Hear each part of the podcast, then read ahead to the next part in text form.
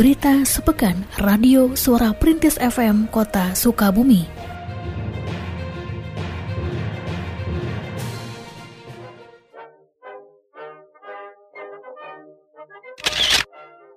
Wali Kota Sukabumi, Ahmad Fahmi, menyerahkan bantuan jelang bulan Ramadan kepada 310 tukang beca dan 70 kusir delman pada hari Minggu 11 April 2021 di Balai Kota. Wali Kota Sukabumi mengharapkan dengan bantuan tersebut para tukang beca dan kusir delman bisa membantu pemenuhan kebutuhan jelang bulan Ramadan. Ia juga menyampaikan bahwa bantuan ini sebagai salah satu wujud nyata perhatian, kepedulian, dan kecintaan pemerintah kota Sukabumi kepada masyarakat, serta sejalan dengan empat pilar utama ajaran agama, yakni ilmunya ulama, adilnya pemimpin, dermawannya orang yang mampu, dan doanya kaum duafa.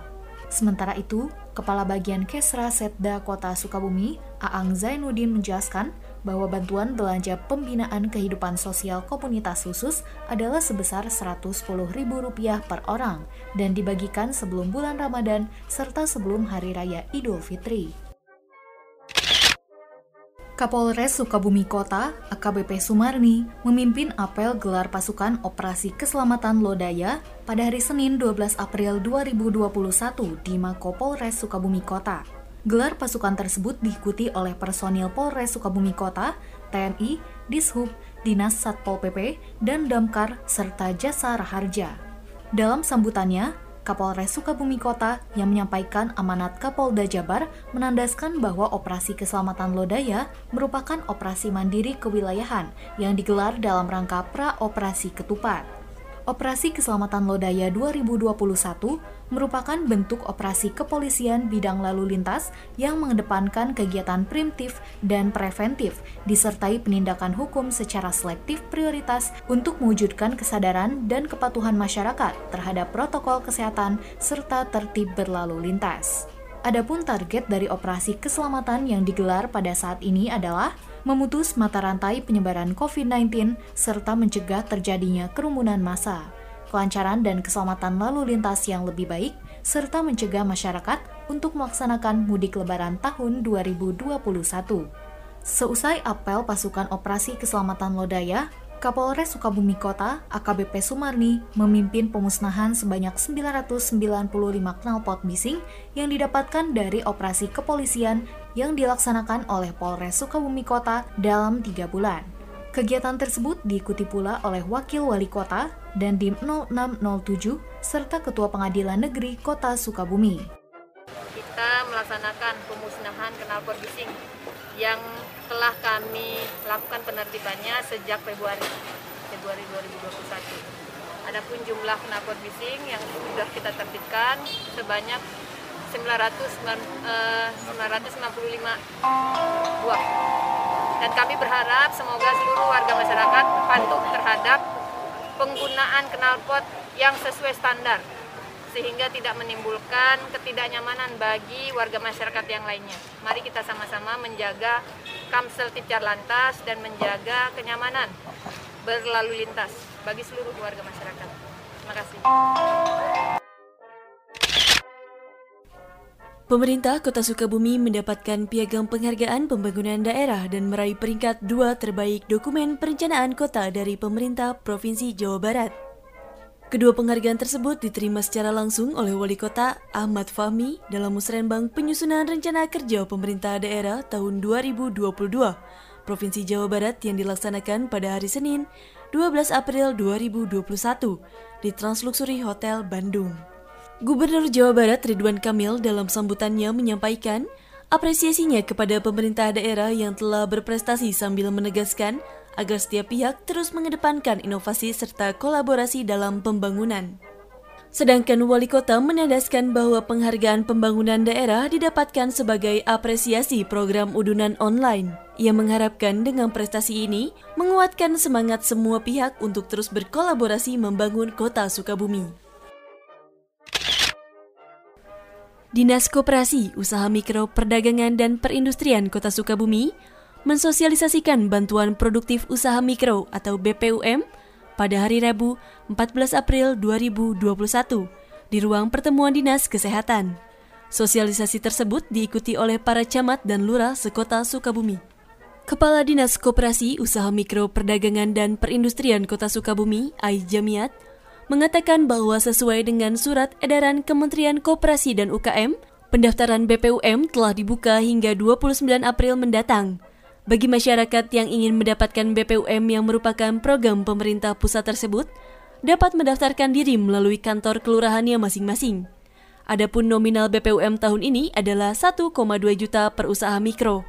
Sedangkan syarat pendaftaran BPUM di antaranya belum pernah mendapatkan BPUM, belum pernah mendapatkan kredit usaha rakyat, tidak berstatus ASN maupun pegawai BUMD, memiliki surat keterangan hasil usaha, dan memiliki dokumen administrasi kependudukan. Jadi intinya bahwa tahun ini akan digulirkan eh, kepada uh, usaha mikro ya di seluruh Republik Indonesia dengan besaran angka 1,2 ya juta 200. Beda dengan tahun kemarin, tahun kemarin ada 2 juta 400 ya. Tahun sekarang itu hanya 1 juta 200 per uh, usaha mikro. Nah, khusus untuk Kota Sukabumi ini silakan warga masyarakat untuk daftar di kelurahan masing-masing ya. Karena memang uh, kita menerima uh, penerima usaha apa usaha mikro ini yang belum pernah diusulkan di 2020 ya. Jadi yang sudah pernah diusulkan di 2020 ini secara langsung ya akan diolah kembali oleh kementerian data tersebut untuk menjadi bahan uh, penetapan di tahun 2021. Jadi pelaku usaha mikro yang ada di lapangan yang tahun 2020 sudah diusulkan itu tidak usah di, mengusulkan kembali ya karena memang sudah masuk datanya di kementerian dan itu akan diolah. Jadi sekarang yang akan kita uh, usulkan itu adalah penerima usaha mikro yang uh, belum pernah diusulkan di tahun 2020. Kemudian sekarang ada kriteria ya ada perubahan kriteria. Jadi usaha mikro yang akan digulirkan itu adalah usaha mikro yang sesuai dengan PP nomor 7 tahun 2021 ya dengan klasifikasi 0 sampai 1 miliar modalnya ya. Jadi itu masuk ke dalam kriteria usaha mikro dan uh, bisa diusulkan untuk menjadi penerima BPUM.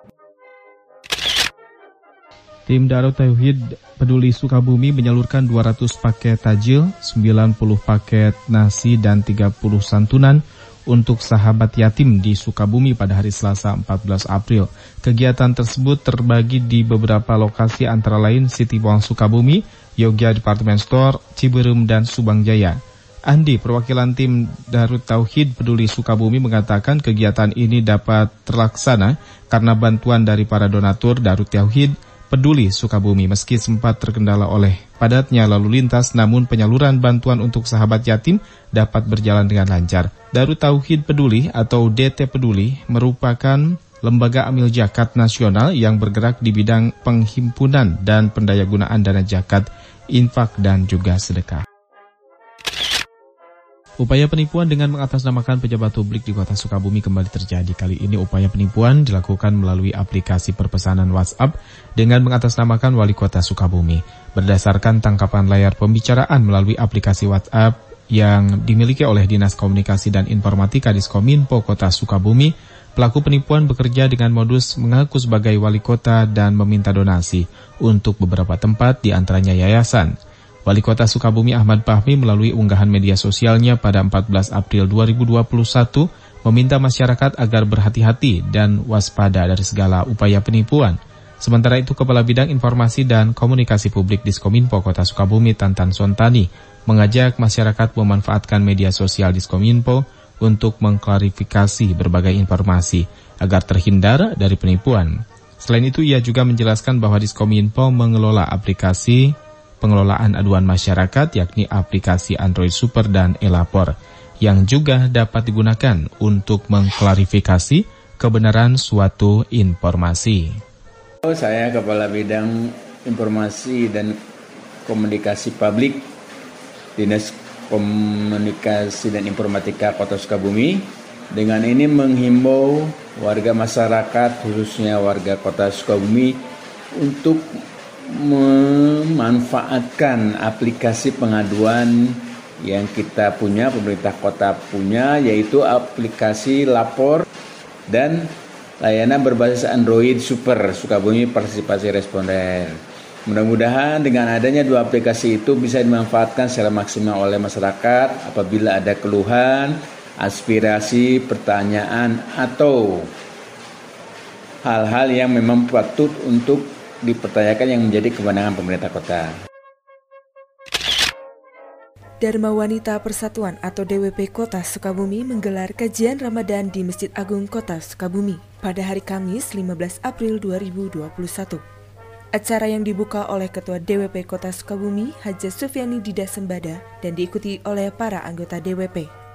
Dalam sambutannya, Ketua DWP mengatakan bahwa kegiatan ini merupakan salah satu wujud tugas pokok DWP dalam membina mental dan spiritual para anggotanya.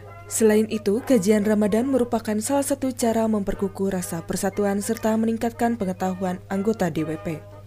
Sedangkan penasihat DWP Haja Fitri Hayati Fahmi yang juga hadir dalam kajian Ramadan tersebut mengharapkan agar DWP banyak menyelenggarakan kegiatan di Masjid Agung sebagai salah satu bentuk mengagungkan bulan Ramadan. Selain tausiah, kajian Ramadan diisi pula dengan pelatihan membuat aksesoris serta tutorial hijab dari anggota DWP.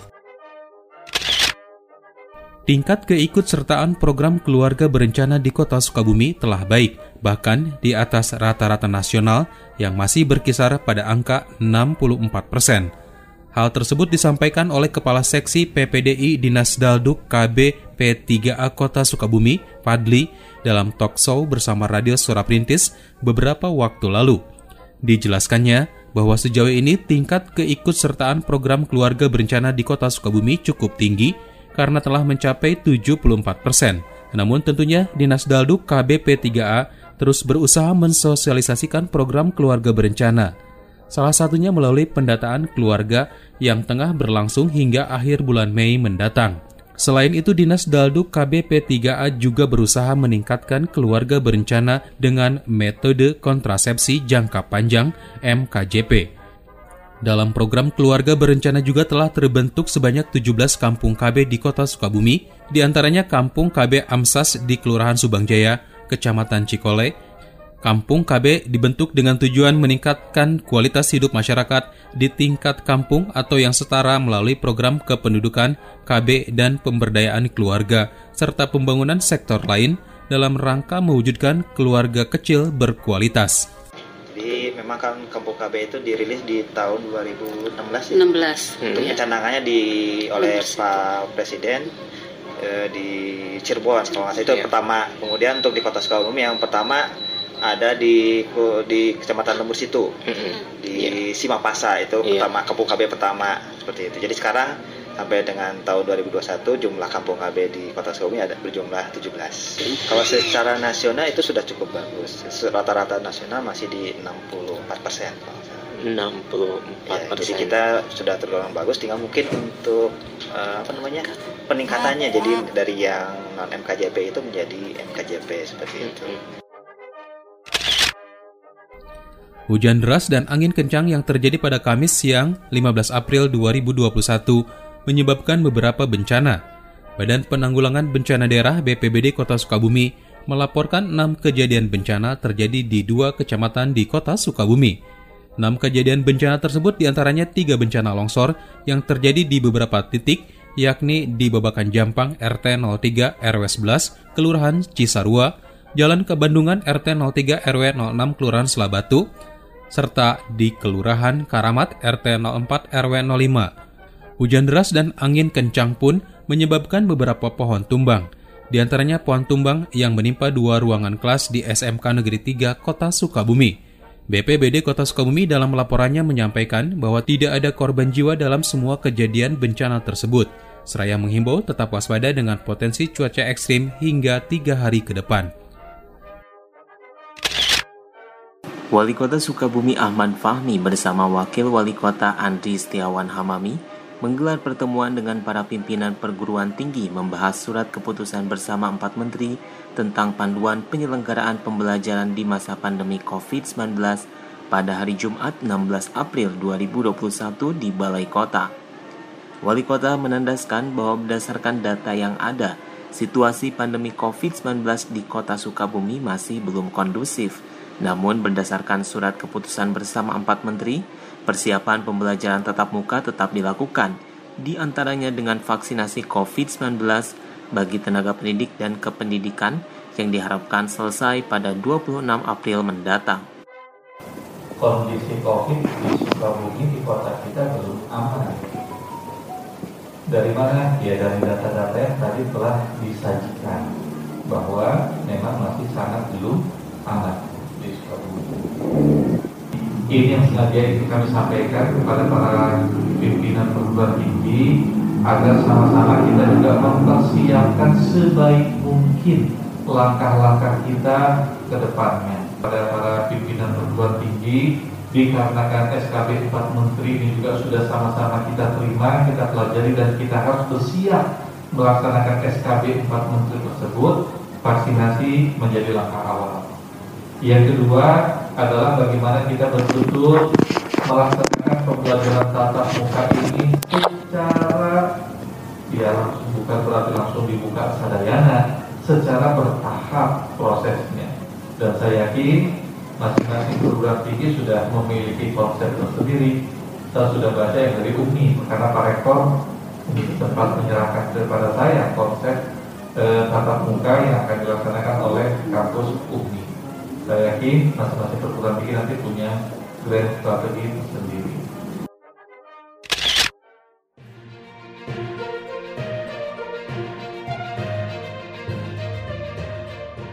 Berita sepekan Radio Suara Perintis FM Kota Sukabumi.